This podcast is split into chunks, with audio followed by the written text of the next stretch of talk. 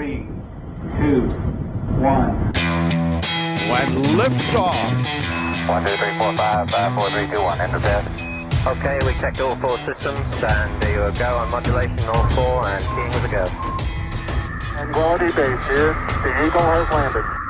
En ny episode av din favorittpodkast om verdensrommet og all things space eh, hører du nå i dine ører. Det er deilig å være her, det er deilig å snakke til mennesker, selv om vi fremdeles snakker til mennesker eh, på en annen måte enn vi pleier å gjøre. Eirik Newth er på plass. Hei, Eirik, i din ende, og hvordan går det med deg og podkatten?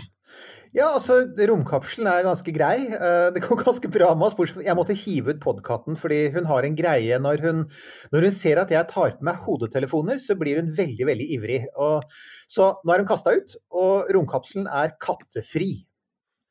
Vi har altså en EVA av en katt. Eh, la oss bare si det sånn at, at uh, dyremishandlingen i verdensrommet fortsetter. Det er vel uh, Og- det, er- det er det vi driver med. Hvis, noen, hvis folk har lyst til å se fortvilelse in action, så er det jo bare å gå på YouTube og søke opp uh, 'katter i vektløshet', for det har de faktisk testa. Det, det, er- Selvfølgelig har de det, det. det er stress, altså. Stakkars. Ok, la oss uh, get down to business, som de sier uh, i uh, både Cape Kennedy og Houston og overalt det er snakk om ting i verdensrommet. Vi har fått et spørsmål fra Jon Håvard. Ah, han spør hvor mange mennesker har omkommet i verdensrommet? Og så skriver han jeg antar at det er mørketall her, siden det sikkert ikke var alt av mislykkede forsøk som ble nevnt under den kalde krigen. Et oppfølgingsspørsmål, et oppfølgingsspørsmålstema i den sammenheng, sammenheng vil være om det er rykter eller andre interessante, ikke beviste hendelser som har gått galt. Og Eirik, eh, where to begin? Where to begin? Romfart har jo, som alle andre ting som er viktig for oss, har jo skapt massevis av konspirasjonsteorier og rykter. Vi har allerede en sending om månekonspirasjonen, så den kan jo folk gå til Spotify og, Spotify og finne, f.eks. Men dette her er jo Dette er jo en helt ny sånn kladans av konspiranoia-ting, og det passer jo ganske perfekt inn i vi, vi har jo faktisk et jubileum nå. Ja, Ja. Vi har jo Apollo 13. Det er- ja, det, Apollo 13. Det som gikk så innmari gærent. Det gikk så innmari gærent og samtidig så veldig bra. Altså, det er jo ca. 50 år siden nå at, eh, at eh, Apollo 13 hadde en ulykke. Eh, 56 timer inn i ferden eksploderte en eh, oksygentank, og så skjedde mye. Og det ble til en film. Og den filmen, den er jo fin. Filmen er veldig bra, og, og der har vi også Det har jo blitt Altså, hvis det hadde skjedd i dag, så hadde jo det sitatet hadde jo blitt et slags meme, tror du ikke det? Jeg tror helt klart det hadde blitt et meme, og det hadde vært laget veldig mye giffer av det. Og dessuten hadde de helt sikkert hatt HD-kameraer inne i kapselen, for det vet vi at de kommende romkapslene skal få. Så det hadde nok vært, det hadde, hadde nok vært gjort på en litt annen måte. Men, eh, men igjen, altså, det er jo eh, det er en, en bra film som er ganske presis i skildringen sin av hva som faktisk skjedde. Og ikke minst, da, det, det sentrale i filmen er jo nettopp, som du sier, denne veldig berømte uttalelsen som eh, kom fra Apollo 13 etter 56 timer. Okay, Houston, we've had a problem here. This is Houston. Say again, please. Uh, Houston, we've had a problem. We've had a main beam bus undervolt. Roger, main B undervolt. Okay, stand by, 13. We're looking at it. De eh, bevingede ord eh, som kom fra Tom Hanks, for det var Tom Hanks, eh, var det ikke det, Eirik? Ja, det er da han i filmen. Eh, Var det ikke han, var det ikke, var det ikke han sier du? ja, altså, jeg bare husker at Det var jo i filmen, ja. Men jeg mener Ja, ja, ja, ja det skjønte jeg. på ja, Jim eh, Lovell. Jim Lovell, ja. Eh, og så Ja, nei, og problemet de snakker om, det er jo, som de etter hvert skjønte, det var jo at en av oksygentankene hadde eksplodert. Det fossa ut oksygen i verdensrommet. Romskipet kom ut av kontroll. Oksygen trenger man for å puste. Dessuten så bruker man oksygenet i Apollo til å lage strøm. Så de er altså i ferd med å miste strømmen sin, luften sin, og romskipet er helt ute av kontroll. Så det var jo altså det var noen, eh, en stund der hvor det virkelig var livsfare, og hvor de trodde at de faktisk kom til å stryke med. Så det er jo ikke, det er jo ikke noe tull. Det, er, det er noe av det farligste som har skjedd i rommet. Ja, altså Rommet i seg selv er jo ganske farlig, og det er jo ikke egentlig meninga at vi skal være der. Så når eh, liksom, hoved, eh, hovedlivsoppholdelseselement nummer én, luft, forsvinner ut, sånn at man ikke får puste, og når det da i tillegg fungerer som en jetmotor, så er det klart Jeg skjønner at de eh, begynte å, å tenke på å sende de siste tanker ned til jorda. Og så, så, ikke sant? Og så kommer jo da, Her kommer vi jo tilbake til dette her litt med sånn der, litt, litt konspiranoia-ting. og Det er selvfølgelig det er Apollo 13, ikke sant? Eh, De er, Ja. de er jo faktisk i rommet den 13. april, for sikkerhets skyld. Eh, Og, og det har jo da fått selvfølgelig folk som har den typen eh, legning, har til å si at ja, ja, men der ser man jo, ikke sant. Det var jo, det var jo uheldig. Det var jo, altså, hvordan kunne, Ja. hvordan kunne NASA gjøre det? Det er jo hoteller som ikke har etasje 13, og det finnes flyselskaper som ikke har rad 13, liksom. Hvordan kunne de Ikke sant? Det er å utfordre skjebnen. Men her forleden dag så hørte jeg en, en podkast, en, en verdig konkurrent, vil jeg si. Det er en podkast som heter Houston We Have, a Podcast, som kan anbefales. Og den, den okay. lages av NASA-folk i, i Houston. ikke sant? Den lages Ja, ja, ja, Så du kan si. OK, de har litt lettere tilgang på gjester enn vi har. Ja. Og eh, da de lagde sin Apollo 13-sending, så hadde de to av gutta fra Apollo 13 i, på, på linja. Ja, så Ja, nå, det var spoiler. Nå, nå var det spoiler, Eirik, for nå sa du at det gikk bra. Jeg sa jo at det gikk bra, det er sant. Ja, fordi de var i studio i podkast i 2020, Ja, så kom igjen. Så det gikk bra. Og så, Ja. så hvis dere ser filmen, så får dere bare Ja. Spar popkornet. Men uansett. Det, det interessante var at begge disse astronautene var helt klare på at um, de ikke så på seg selv som uheldige, men som heldige. fordi at altså Apollo-prosjektet var innmari risikabelt, det har vi også snakket om før, med at det var på Apollo 8 opp mot 50% risiko for at noe kunne gå galt. Så da det først gikk galt, så var de jo kjempeheldige, rett og slett. For, Ja. ikke for hadde eksplosjonen altså det, det som reddet dem, det var jo månelandingsfartøyet. Det satt fremdeles foran på kommandoseksjonen, foran på Apollo-kapselen. Og månelandingsfartøyet var helt uberørt av eksplosjonen. Sånn at månelandingsfartøyet hadde fremdeles strøm, hadde batteri, det hadde fremdeles oksygen, det hadde vann, og det hadde en fungerende rakettmotor, for de var ikke sikre på om de engang hadde rakettmotor å komme tilbake til jorda med. Sånn at den ble på en måte livbåten. Og som disse gutta da sa, hvis det hadde skjedd mens de var i bane rundt månen, eller hadde landet på månen, så hadde de vært døde. Hadde, ja, for da hadde de ikke noe sted å gjøre av seg. Da hadde de ikke livbåten. Hadde det skjedd på vei tilbake til jorda, når månelandingsfartøyet jo var forlatt på månen, så hadde de vært døde. Så det de sa, var at når det først skulle gå galt, så, det, så skjedde det på det maksimalt beste tidspunktet, og, og alle var liksom forberedt. NASA var forberedt, astronautene hadde kjørt simuleringer, så, så det var liksom optimalt. Så ja. Men, men, men kan jeg bare Ja. altså, En ting her. En av de, altså, noen av de scenene som er uh, morsomst der, er jo når de der folka nede på jorda skal få De skal lage det der eh, luftfilteret, Ja. og ting ikke passer og ikke er det samme. Og, og det er sånn We have to make this out of this Ja. with this. For det er det de har med seg. Uh, og det var vel ikke der, der tenker jeg at det kanskje ikke var alt som var like gjennomtenkt, at ting bare skulle passe overalt. Men det er jo et deilig sånn MacGyver-moment. Og det, liksom, det går faktisk an å overleve i verdensrommet med gaffateip og plastikk. har man gaffateip, så klarer man seg alltid, er jo egentlig poenget. Uh, så, Ja. så ja. Altså, så ja, Apollo 13 klarte seg, og gudskjelov for Apollo-programmet. fordi at en, av- en av de tingene som det ikke fortelles i filmen, det er jo at på bakken så sa jo, satt jo også president eh, Richard Nixon. Uh, Ja. og, og Nixon, han var jo um, uh, Han var ikke spesielt glad i Apollo-programmet. Han var jo eh, Nei. Nei, altså han hadde jo blitt valgt, han hadde blitt valgt i 1968. Uh, han hadde jo tapt for president Kennedy i 1960 og hadde vært ute av nasjonal politikk i åtte år, så han var ikke involvert i romprogrammet. Uh, Apollo-programmet var Kennedys baby. Han hatet Kennedy. Han mente jo at Kennedy hadde jukset i valget i 1960. Så, så han likte ikke Apollo. Han var ikke spesielt opptatt av romfart.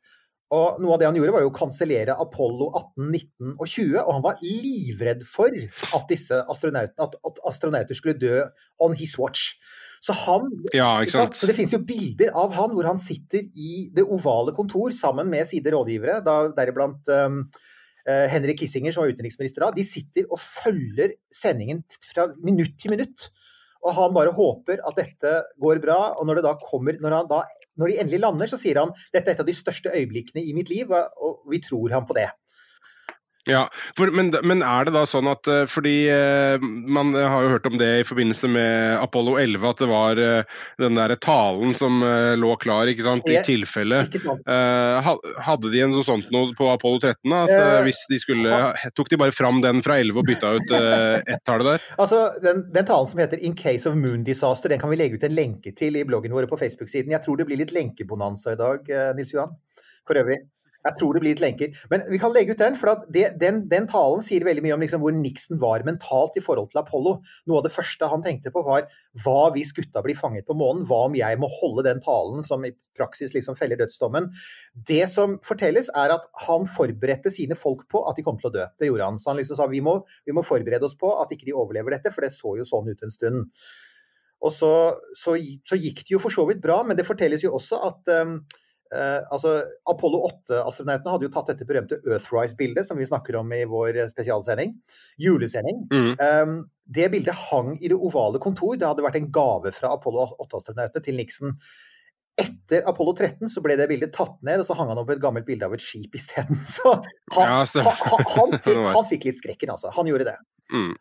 Men, men Eirik, dette er Apollo 13. Det er på en måte altså, den mest kjente Jo bra. eh, ulykken i verdensrommet. Men det gikk jo bra! Og hvis vi da skal gå tilbake til spørsmålet fra Jon Håvard, altså det var jo da dødstallet, altså the body count in space.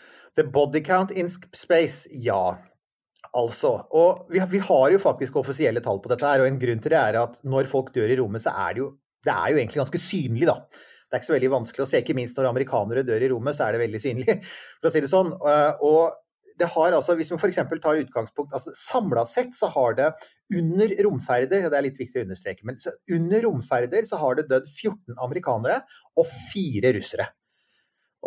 Men har de, har de da dødd i verdensrommet, eller har de dødd fordi noe har eksplodert på bakken? Helt riktig. Så vi har jo da Altså, vi har jo øh, Sju amerikanere døde om bord i Challenger. Den eksploderte på Ja. vei opp i rommet, 30 km over bakken. Sju andre amerikanere døde i Colombia. Den gikk i stykker 60 km på bakken på vei ned for å lande. Så har vi én sovjeter. Han falt ned med en Soyuz-kapsel i 1968 og ble faktisk Altså, fallskjermen sviktet, så han ble rett og slett knust mot bakken. Det er, bilder, det er noen bilder der ute som ikke er veldig pene å se på, for å si det sånn. Um, og så er det tre stykker, og det er de tre eneste, det er de tre astronautene om bord i Soyuz 11 i 1971 som opplevde det marerittet som man altså da eh, slapp unna med Apollo 13, hvor de slapp opp for oksygen og ble kvalt. Det var jo det de var redde for. Det opplevde disse tre kosmonautene. De satt altså i kapselen, og så begynte en ventil å lekke ut luft i verdensrommet, og de ble kvalt i setene sine, for de hadde ikke på seg romdrakt. Så Soyuz landet automatisk, som den kan gjøre, men da redningsmannskapet kom fram, så fant de altså tre døde astronauter, tre kvalte astronauter i setene. Så det er liksom de. Ja, ja. Eh, og det var, en, var jo også et stort tilbakeslag. Men det er faktisk siste gang det har dødd russere under, eh, i forbindelse med romfart. Så, Ja, så de har ja. faktisk ikke hatt en ulykke på 49 år, de, i, i rommet. Mens amerikanerne Altså, der er russerne egentlig bedre enn amerikanerne? det er faktisk det de er. Altså, eh, amerikanerne har jo, for amerikanerne er det romferja som virkelig ødelegger statistikken. Du, hadde 100, Ja, 130, ja, du hadde 135 romferjeferder, og den skjøt opp 833 astronauter. Dette måtte jeg google, da. dette har jeg, dette, har- jeg er nerd, men ikke så nerd. Eh, av, de så, av de så døde 14, hvilket vil si at sånn litt over én av 100 er sjansen din for å dø, var, sjansen for å dø i en romferjeulykke hvis du fløy opp. Det høres jo kanskje lite ut, men jeg tror folk skjønner at det er jævlig høyt. For Mm. sannsynligheten for å dø i et flykrasj er mellom rundt altså 1 av 10 millioner til 1 av 20 millioner hvis du flyr liksom et trygt flyselskap. Så det er liksom 1 av 20 millioner å fly SAS mot å 1 av 100 hvis du flyr romferja. Og da, da, da skjønner du at det er ganske, det er ganske dramatisk odds, altså. Det er farlig. Mm. Ja, jo, men det er klart det er farlig, men, men jeg, det er jo fascinerende da, at så mange som har vært i verdensrommet, at det ikke er flere som har dødd. Og jeg, de der, eh, de som eh, Mange av de, altså romferja er jo nesten litt sånn Da har du jo egentlig ikke dødd i verdensrommet, for de, de døde jo på, enten på vei ned eller på vei opp, så de hadde jo ikke egentlig kommet seg til verdensrommet. Så egentlig så er det jo farligere, hvis du ser på statistikken, så er det jo farligere å være på jorda enn å være i verdensrommet. Sånn kan du jo se på det. Du kan si at Ja, ja, det er helt sant. Og vi skal ikke glemme at dødsraten Fiffig bruk av statistikk. Nei, altså Dødsraten på jorda er 100% det skal vi ikke glemme.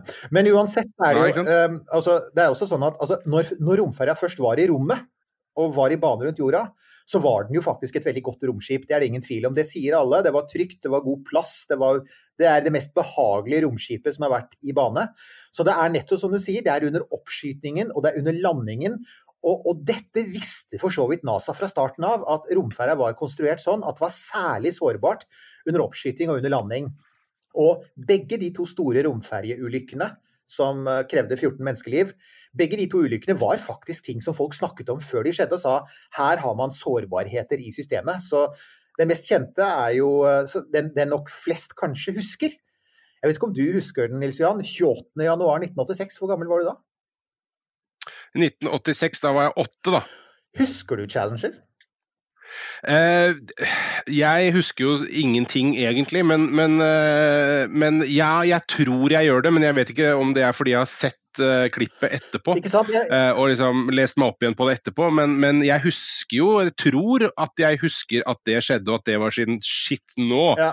Oi, for der var det, eh, var det ikke, var det der det var en eh, kvinnelig lærer om bord, Ja. eller noe sånt? Var det, eller var det Helt riktig. ja. Det var jo grunnen til at millioner av amerikanere, langt flere enn normalt, satt og så på oppskytingen. Det var da om, om morgenen, en tidlig oppskyting. Uh, jeg husker det jo veldig godt. Jeg, var, jeg gikk på universitetet på det tidspunktet, var 22 år gammel. og jeg Altså, jeg hørte jo om det, folk begynte å snakke om at det hadde skjedd noe borte i USA, men det var ikke, det var jo ikke noe YouTube, det var jo ikke noe direktesendinger. Så jeg husker at jeg så bildene på Dagsrevyen om kvelden. Men de bildene vi så var jo skikkelig dramatiske, for vi hadde jo aldri sett maken. Du ser jo først denne praktfulle romferjeoppskytingen. Det, det er fremdeles romferja Kan vi være enige om at romferja hadde de flotteste oppskytingene? Jeg tror det. Ja, det, det, det er jo spektakulært med den kjempesvære oransje tanken der. Og, ja, og, nei, det, og det er all røyken fra faststoffrakettene på siden av tanken og altså, de, de fleste, det, er, det er vakkert å se på.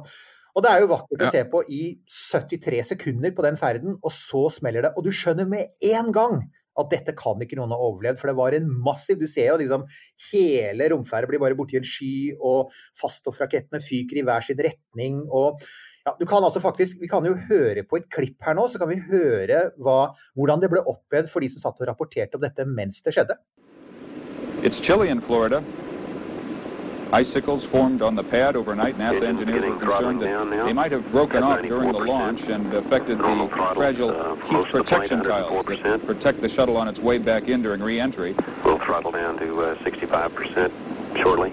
Don't know what the effect might be just yet. The astronauts will take a look later on during the mission. Engines at 65%, three engines uh, running normally, three good fuel cells. Up, three engines now at 104%. Challenger, go and throttle up. Roger, go and throttle up. The shuttle mission will launch, my God, One minute 15 There's been an explosion. Velocity 2,900 feet per second, altitude 9 nautical miles, downrange distance 7 nautical miles. This is not standard. This is not something that is planned, of course. I can see a solid rocket booster has broken away from Shuttle Challenger. That's what you're looking at in the middle of your screen. I cannot see the shuttle itself. I don't know if it's able to continue on one rocket booster. If it's able to jettison that rocket booster, it will be able to return to the Kennedy Space Center, perhaps. The shuttle engines are not enough to power the shuttle back down. It Flight would have to shut down. looking very carefully at the situation. Obviously a major malfunction. I hope they were able to survive. I hope the astronauts We have no downlink. We have absolutely no sign at all of the shuttle itself. All we saw was that one explosion only about a minute into the flight. And we saw the solid rocket booster. Now here's something coming down. I don't know what that is. I don't think that that's the shuttle. I believe that's a piece of debris that's coming back earthbound. I don't know. It's too small for the shuttle itself. Pieces falling out of the sky in the Florida morning. It's about 20 till noon in Florida. There are contingency plans for the shuttle when something does go wrong, when something goes terribly wrong. We have a report from the flight dynamics officer that the vehicle has exploded. Flight director confirms that. We are uh, looking at uh, checking with the recovery forces to see uh, what can be done at this point. 840, and we hear from launch control the vehicle has exploded. That's the orbiter itself, the shuttle Challenger. has exploded, we must Contingency procedures are in effect. Um, assume that the crew is not alive.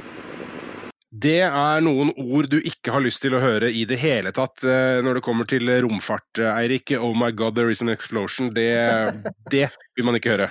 Det er jo helt feil å le, men det er helt sant. Det er det. Det er, det er ord du ikke vil høre. Og, eh, og, og, dette igjen, dette var jo noe som altså da gikk live, og det var jo på sett og vis så var det For amerikanerne så var nok dette også en Altså, det var jo en slags live katastrofe, da. Et sånt live trauma. Og det skal vi ikke glemme. altså Apollo 13 det skjedde jo langt ute i rommet, og folk fikk ofte vite om det lenge etterpå. Det var jo heller ikke liveoverføring fra det.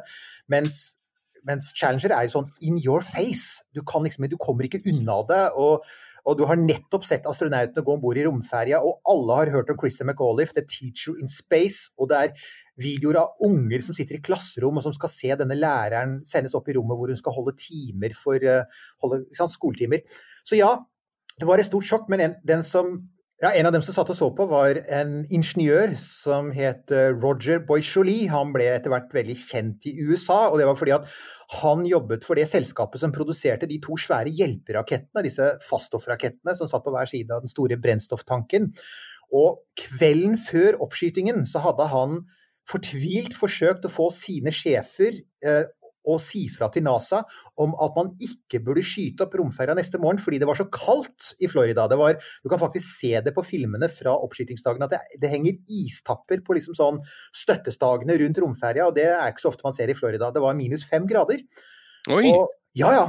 Og dette, dette var, det var, var, vel, så vidt jeg vet, den kaldeste dagen man hadde forsøkt å skyte opp romferja noensinne. Og poenget hans var at det var noen pakninger inne i disse faststoffrakettene, noen gummipakninger som ville bli stive og harde i kulda. Og hvis de, ble, altså hvis de ble det, så kunne varm gass lekke ut, og han var redd for at den varme gassen kunne antenne den svære brennstofftanken som inneholdt massevis av eksplosivt brennstoff, og at det ville sprenge romferja. Og han, han brukte altså faktisk noen timer kvelden før oppskyting på å forsøke å overtale dem.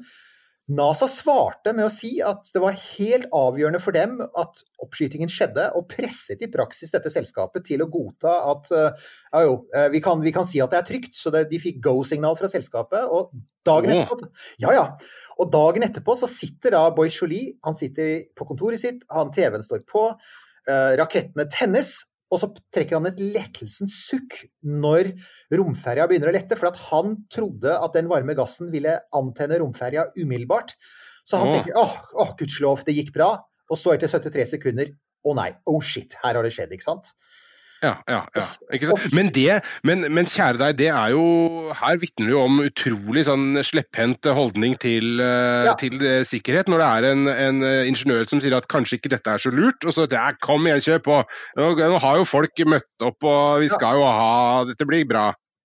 Dette er helt sant, og det er jo det ble jo nedsatt en granskingskommisjon etterpå, Rogers-kommisjonen, og den gikk gjennom dette og kom jo etter hvert til uh, sterk kritikkverdig. Uh, Sikkerhetskulturen i NASA var man veldig, kritiserte man sterkt.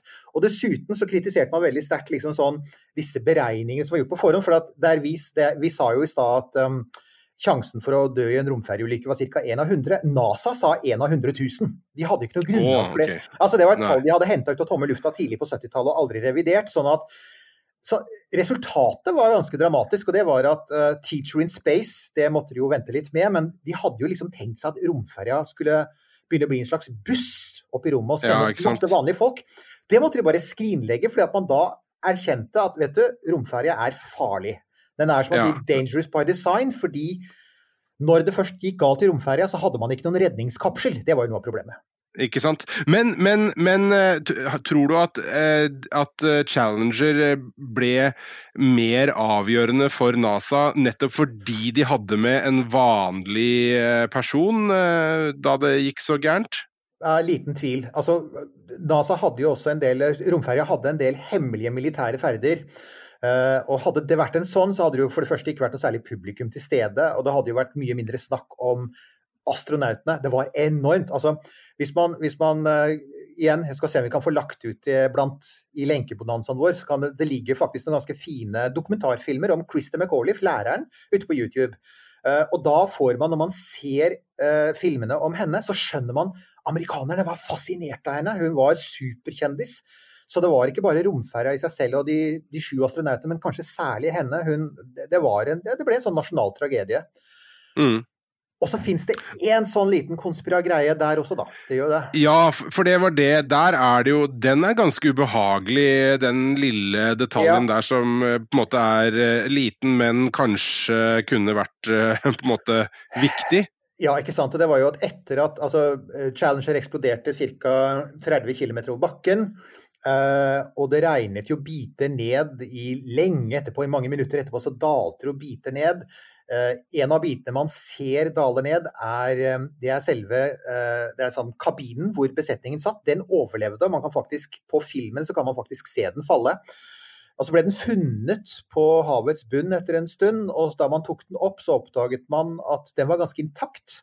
Og ikke bare det, men man så også at tre av astronautene så ut til å ha aktivert et sånt nødoksygensystem som man bare kunne aktivere manuelt. Og det betyr at etter eksplosjonen så var noen i live i kapselen. Og denne kapselen brukte to minutter og 45 sekunder på å falle hele veien ned og treffe sjøen da den ble knust, eller da den eh, ble sjokka. Eh, Så det har vært spekulert på altså Det man tror, det, Den offisielle NASA-versjonen er at sannsynligvis var det ikke oksygen nok i kapselen til at de holdt seg bevisste. At de antagelig var bevisstløse eller døde før de traff vannet. Men der kommer vi til konspiranoia-greiene. Jeg tror bl.a. at det ligger noen sånne YouTube-videoer der ute som handler om at jo, vi har funnet lydopptakene fra Challenges kapsel, og sier det, det stemmer ikke, det er bare konspirasjoner. Eh, Man Mm. vet ikke, og vi får aldri noe svar. Vi får håpe at de mistet bevisstheten rett etter at de, at de slapp å være med på den lange ferden ned. Men ja, det er ubehagelig. Og det, er en, det, er en, eh, det var en sånn ting som da det dukket opp også, på en måte skadet NASA enda mer. Det gjorde de jo fordi at det bare understreket at hadde dette vært en Soyuz, så hadde du hatt et redningssystem og du hadde landet i fallskjermen din. Men fordi det var romferja, så var du sjanseløs. Ja, Men var det ikke noe sånn at det, de, Nei, de, de fikk liksom aldri til det på romferga. For på, på, på, på Apollo-kapslene så hadde de vel en sånn eh, nødrakett på toppen som man kunne skyte ut, eh, hadde man ikke det? Helt riktig. Og, det var, og grunnen til at romferja ikke hadde det, det var, det var, det var teknisk umulig å lage en Ja, det- så-? For den, denne svære tanken satt rett under buken på romflyet, og romferja var jo så tung, den veide jo 100 tonn, så det var jo ikke mulig å flytte den noe særlig fort. Så, uh, det, sånn, så for å bøte på det, da, så laget NASA seg denne beregningen som sa at nei, men det kom bare til å skje én av 100 000 var sjansen for å dø i en romferjeulykke. og det vil si, sant? Det er sånn, så vi, har, vi kan ha sånn Ja, nemlig. vi kan ha 100 oppskytninger i året i 1000 år, og da får vi kanskje Ja. en ulykke. ikke sant? Det var deres beregninger, og det var slik de liksom sånn glattet over det faktum at dette er det eneste romskipet noensinne i historien som ikke har hatt et redningssystem. Eh, Ja. og, de, og de nye romkapslene som kommer nå, de som Boeing og SpaceX bygger for NASA nå, de, der har jo NASA insistert på at de skal ha et godt redningssystem. Så de Ja, har ikke sant. sant? Klok av skade. så- Klok av skade. Men de var jo ikke så Men- klok av skade i 2003. Nei, for det jeg tenkte da skal vi ta oss og spole eh, åra 17 år fram i tid. Eh, Vi vet at Challenger eh, gikk i oppløsning, eksploderte på vei opp. Colombia hadde det litt annerledes. Der hadde de gjort det de skulle i verdensrommet, de, og var glade og fornøyde på vei hjem. Og så gikk det til helvete. Så gikk det til helvete, som vi kan høre her. Control's been stable through the uh, rolls that we've uh, done so far flight. We have good trims. I don't see anything out of the ordinary. Okay. The tires feeling no heat pressure on left outboard and left inboard, both tires. In Columbia, Houston, we see your tire pressure messages, and we did not copy Is it your last. instrumentation, Max? Uh, flight Max those are also off. Roger. off-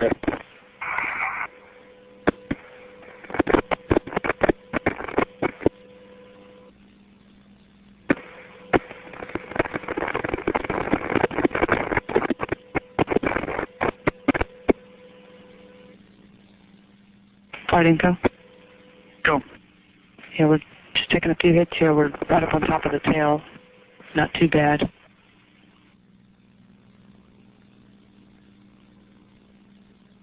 Hydraulic return instrumentations. Uh, no, sir, there's not.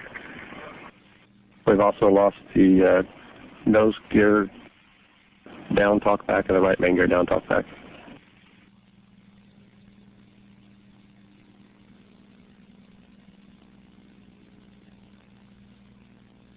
And flight ecom? Ecom. I've got four temperature sensors on the bottom line data that are off scale low. Og hva var det, var det der, Eirik, eh, når det begynner å gå ordentlig gærent eh, for Colombia, at det var denne flisa, var det ikke det? Jo, det var akkurat det. Altså, igjen så er dette en sånn ting som faktisk på den aller første romferjeferden i 1981, så hadde det falt av noen sånne beskyttende fliser. Altså hele, hele undersiden av romferja var dekket av et sånn keramisk materiale som skulle beskytte mot den ekstreme varmen. fordi at romferja var bygd i metall, men, men uh, mest i aluminium. Men aluminium tåler ikke de høye temperaturene, så du måtte ha varmefliser. Og, og, fra starten av så var NASA redde for at fliser skulle falle av på farlige steder, sånn at liksom varmen skulle komme inn og begynne å smelte romferja innenfra og ødelegge den. Og det var det Mm. som skjedde i 2003. Det var liksom marerittscenarioet de hadde levd med siden 1981. Ja, for der, der, eh, der var det vel at eh, du, Det har man jo sett eh, sikkert, hvis man er litt interessert i, i romfart, så har man jo sett den filmen av at man kan se at de har zooma veldig inn på Idet den blir skutt opp, vel, at denne her flisa løsner og dunker borti et eller annet. Helt riktig. Det er på samme, på samme måte som du faktisk kan se på filmer fra Challenger, så kan du se den der gasstrålen som sprenger Challenger, så kan du faktisk se Du kan se den isoporbiten som Ja, den er vel på størrelse med en stresskoffert. Uh, og og eh, den, den daler ned, og det ser ikke ut som den treffer særlig hardt. Altså Det skal NASA ha. for da de så, disse, de, så jo denne filmen mens astronautene var oppe, så de var klar over at noe hadde truffet vingen. Ja, De var, klar, de, de var det. Så, um, og det er, finnes faktisk opptak av samtaler mellom NASA og astronautene hvor NASA sier til uh, hvor uh, Houston, bakkekontrollen, sier til astronautene at um, Og forresten, uh, når dere kommer, kommer ned og lander, så kommer journalistene helt sikkert til å spørre dere om den tingen som traff vingen, men det er jo ikke et problem. Det er nærmest det de sier. Problemet der er jo at det sjekket de jo aldri. ikke sant? Og det er jo det som, Så i ettertid så kan man si at hovedproblemet med Colombia er ikke at det ble et hull i vingen, for det var en, en kjent fare ved romferja. Det var at da det først skjedde, så var det nok en gang sånn at det virker som NASA sovna på jobben. Altså, De gjorde ikke det som kunne gjøres for å se om det faktisk var et hull der, og i så fall om det var mulig å redde astronautene. Ja, for man kunne jo sett for seg et scenario da, hvis de hadde sagt ifra at du uh, We have a problem, og at de da kunne eh, gått ut og kanskje fiksa dette her.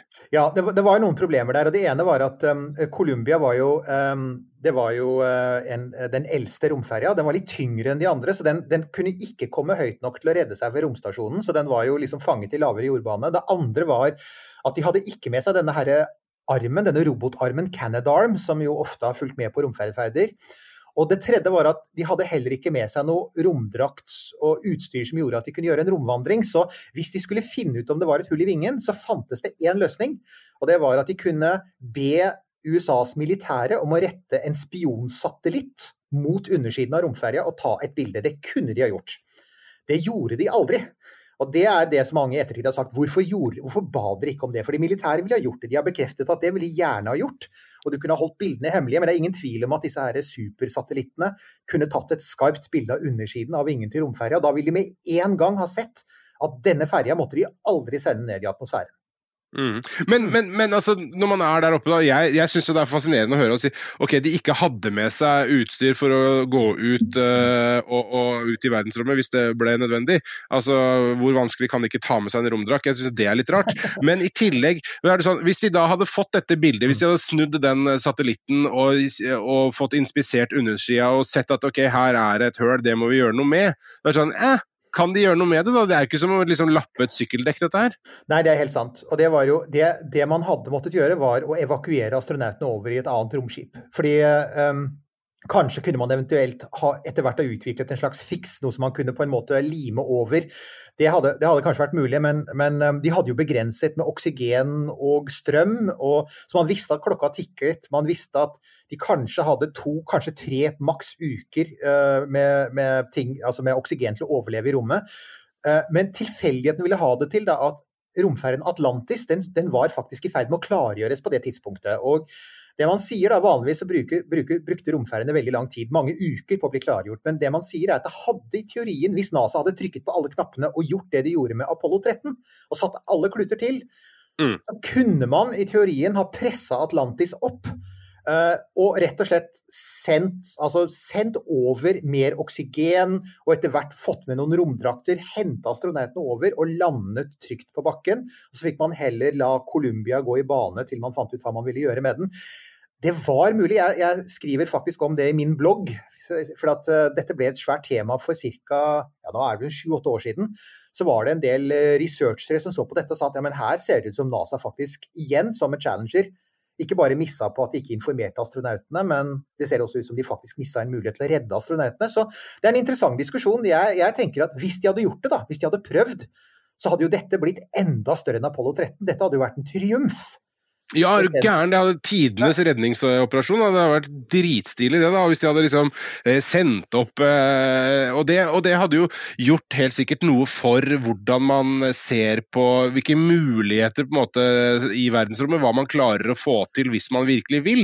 Altså Romfart i seg sjøl er jo virkelig en sånn eh, bragd av menneskelig vilje og, og, vitenskap. Og hvis du da i tillegg hadde klart å eh, hva skal man si, improvisere en sånn kompleks redningsoperasjon, så hadde hadde jo det gitt eh, NASA og hele, hele liksom, kulten rundt romfart en, en eh, virkelig boost, istedenfor at det skulle bli en sånn eh, dårlig siste kapittel i, eh, i romfergehistorien. Ja, ikke sant? For det, det, det man veldig sterk, altså Romferjen blir jo etter hvert tatt i bruk igjen, og den flyr jo noen år til. Som vi sa i vår sending om, eh, om det forrige tiåret, så, så, blir den jo til slutt kansellert. Og så kommer det et helt ny type romprogram, et privat romprogram, som er det vi begynner å se starte opp nå.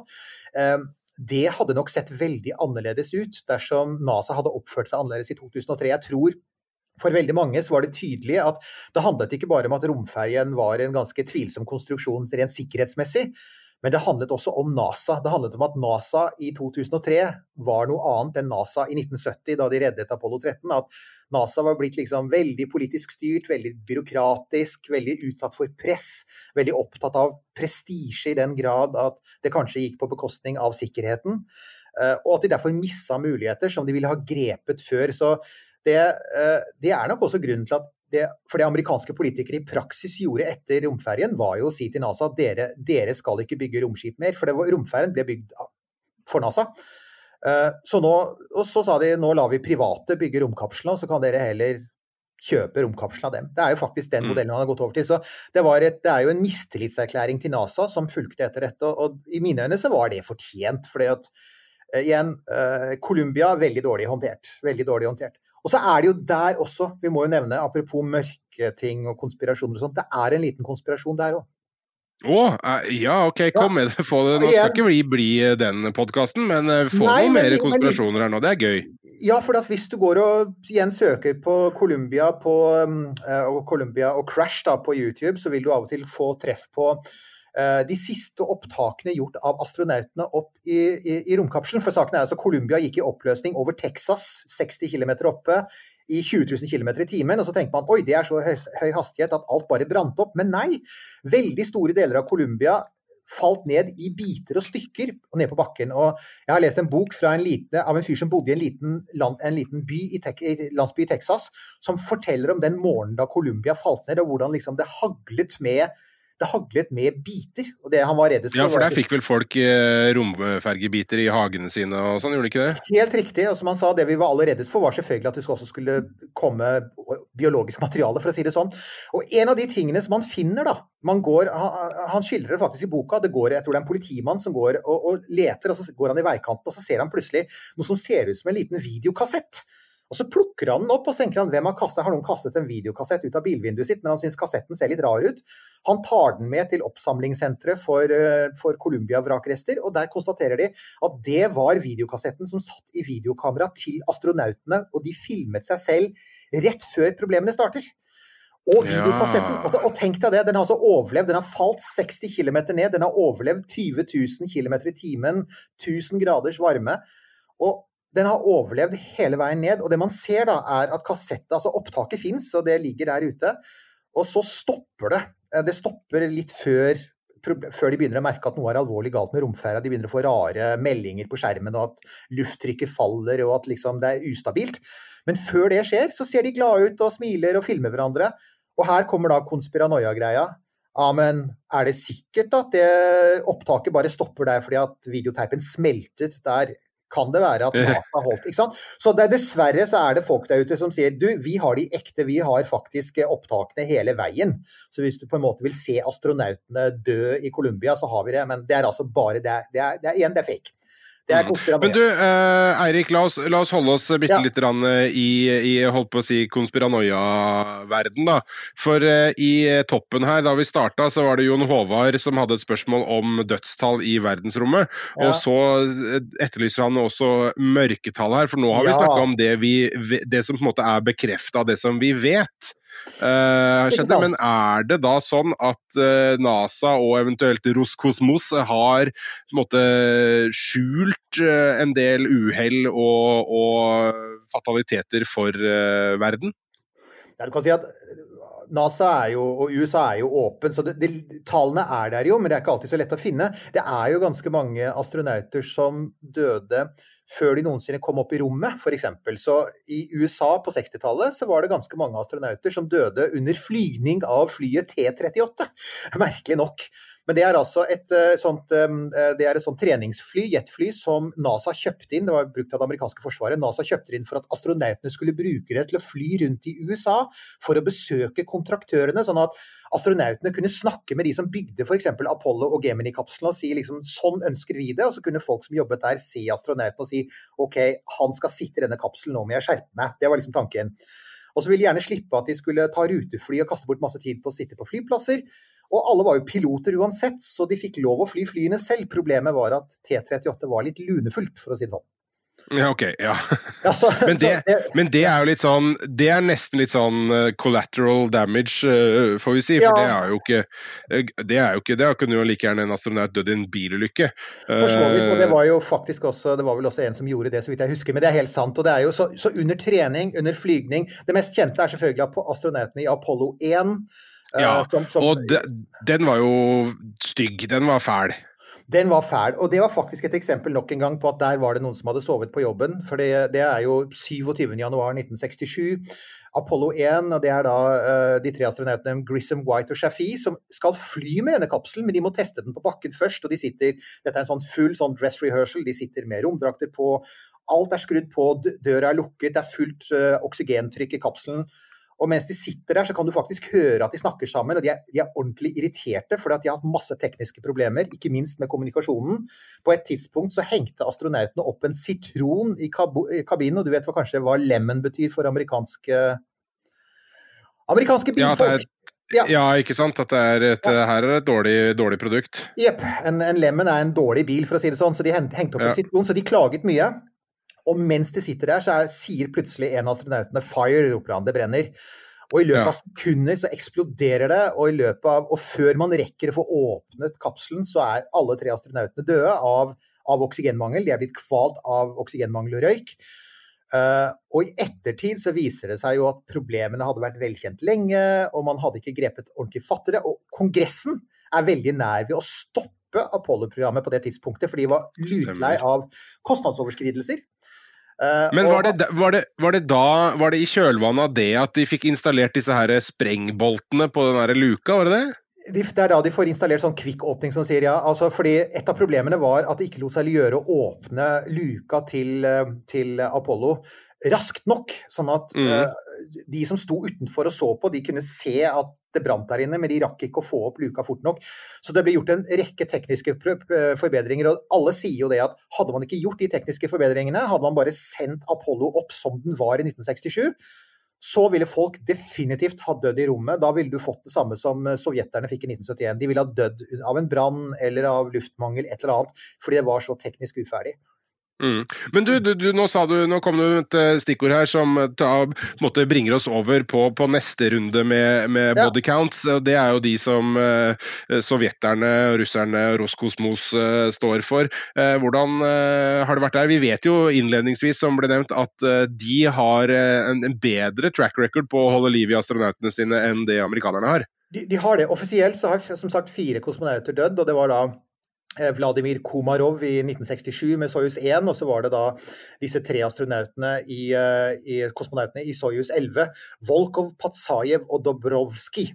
Eh, og alle disse kosmonautene døde fordi at Soyuz på det tidspunktet fremdeles var en litt sånn shaky konstruksjon. Det med eh, Komarov døde fordi fallskjermen ikke foldet seg ut. Det var velkjent at de slet med utløsning av fallskjermen, eh, bremsefallskjermen på, på, på Soyuz. Så, men de måtte jo teste det ut, så det er jo, det er jo, det er jo faktisk ikke helt tilfeldig at altså astronautene i Apollo 1 dør under testing, og astronauten i, kosmonauten i Soyuz 1 dør under testing. Det var jo en sånn fase hvor all teknologien var helt ny, og de presset den til de ytterste grenser.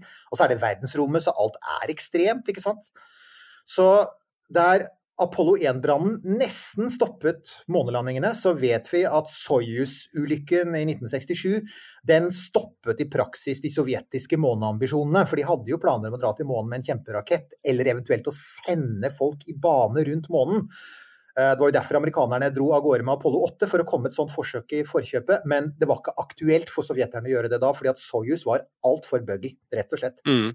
Men, men, men øh, øh, er det Altså, nå, nå, snakker vi om de aller fleste som har dødd på vei opp eller ned. Er det noen som har dødd i verdensrommet? Ja, nei, det er Og som flyter rundt der oppe fremdeles? Å, ja, akkurat. Ikke som vi vet om. Vi har altså disse tre som døde i Soyuz 11. De kom ned igjen. Uh, og så har vi, og her kommer vi til problemet med Sovjetunionen. Vi veit jo hva slags regime Sovjetunionen var. Det var et regime hvor, med masse hemmelighold. Det var et regime som ikke nølte med å lyve, særlig hvis det var til fordel for dem. Og det har jo ført til, altså Sånne regimer fører jo alltid til masse spekulasjoner. da F.eks. sånn til Nord-Korea i dag. ikke sant? Så mye mm. spekulasjoner. Men det er jo ikke rart, for hvis du holder alt hemmelig, så tror folk at du lyver hele tiden. Og vi vet i ettertid, etter, altså mens det pågikk romkappløpet, så insisterte sovjeterne på at nei, deres rom, Altså, deres eh, romfart var perfekt. De hadde ingen dødsulykker. I ettertid så vet vi at det var jo faktisk folk som døde under trening der nå, bl.a. Uh, en som het Valentin Bondarenko. Han døde faktisk rett før Juri Gagarin ble skutt opp, så døde han under trening.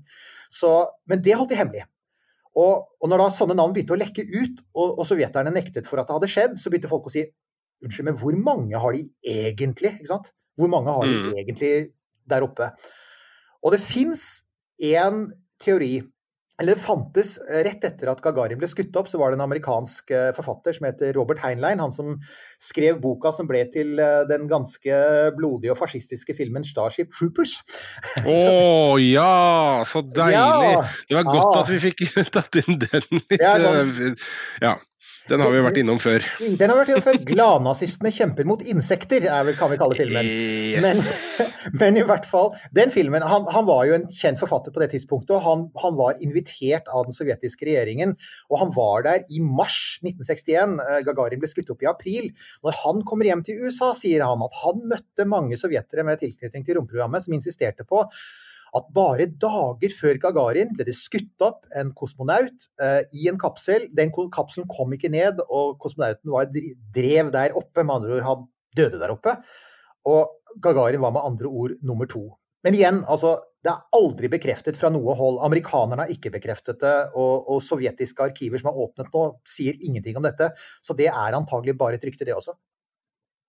Så det er mye, det er mye rykter her, og, og, alle de som eventuelt kanskje, kanskje ikke har uh, dødd i verdensrommet, det er uh, bare konspirasjonsteoretikere som uh, legger fram. Men vi må vel komme med en sånn liten YouTube-advarsel her òg, for det fins én ting der ute. Hvis man begynner å google på sånn Soviet Cosmonaut-ting, så vil det dukke opp Uh, og dette er kanskje den mest kjente sovjetkonspirasjonsteorien. Og dette er de italienske brødrene Judica Cordilia. Det var to radioamatører på 60-tallet som satte opp sine egne mottakere utenfor Torino i Nord-Italia. Og i årevis så mente de at de fanget opp, de fanget opp signaler fra verdensrommet. fra sovjetiske kosmonauter uh, og fra sovjetiske romkapsler og romfartøyer.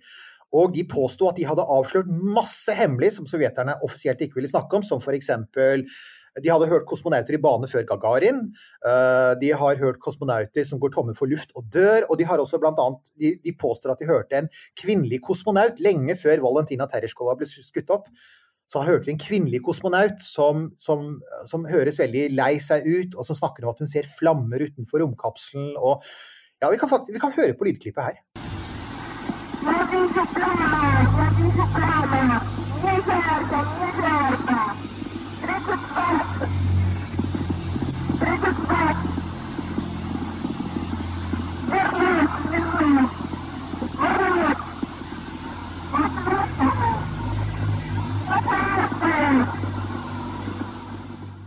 Uh, og igjen, det ligger der ute, så hvis man vil, så kan man høre på det. Jeg syns ikke det høres sånn spesielt troverdig ut, men det viktige her, da Dette er litt som du månekonspiranoia, hvor en av konklusjonene våre var at en av grunnene til at det er lite sannsynlig at, uh, at uh, Apollo-landingene er faka, er at sovjeterne overvåket alt amerikanerne gjorde og ville ha avslørt det på et blunk. Det gikk begge veier. Amerikanerne masseovervåket Sovjet. Selvfølgelig gjorde de lyttet på absolutt alt, og særlig på det fra verdensrommet. Så Mm. At to italienske brødre skulle fange opp masse signaler som amerikanerne ikke fanget opp, det er Ja, den- det har ingen troverdighet. For Jeg kan love deg at hvis CIA hadde fanget opp en kosmonaut før Gagarin som dør i rommet, skal jeg love deg at det hadde de fortalt verden. Ja, det, det, det vil jeg tro. At da hadde vi visst det for lenge, lenge, lenge lenge siden.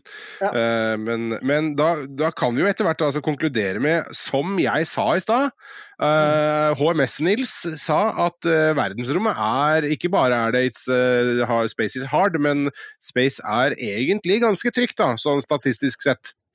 Space er statistisk sett egentlig ganske trygt, og, og ja, skal man dømme etter statistikken for en del romfarere, så er kanskje det å fly rundt i militærfly egentlig kanskje vel så farlig. Yuri Gagarin døde jo faktisk under en flygning med et, et MiG-15 militærfly i 1968.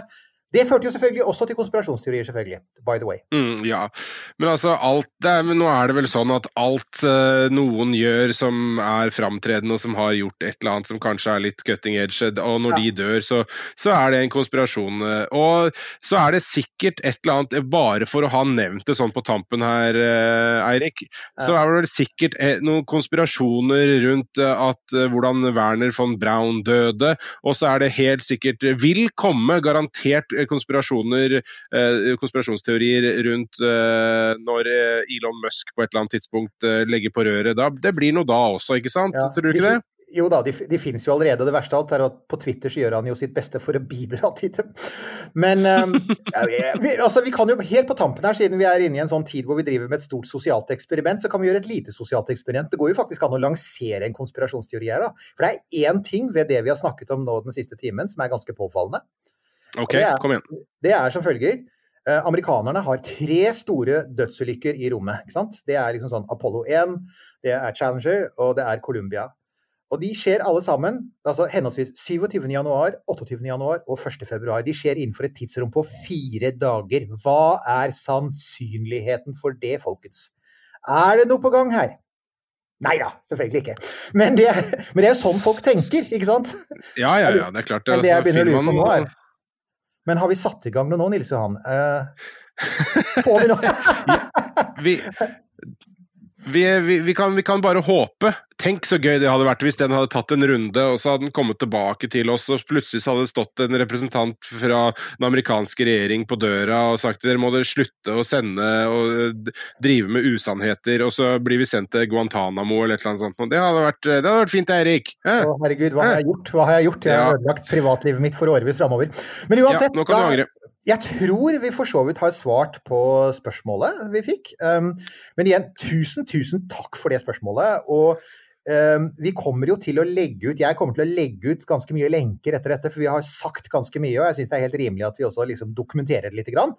Um, og så der er det bare å følge med på som vanlig på romkapsel.no.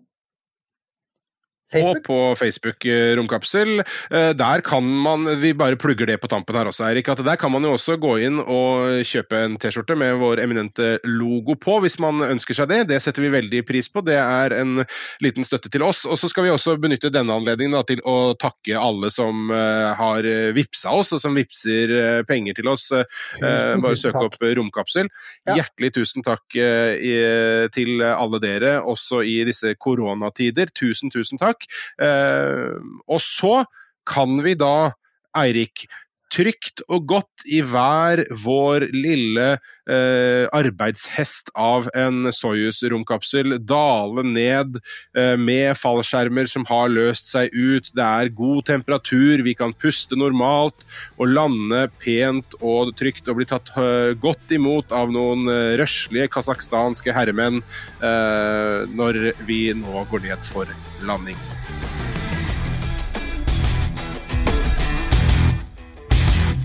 Denne Podkasten er produsert av Tid og Lyst.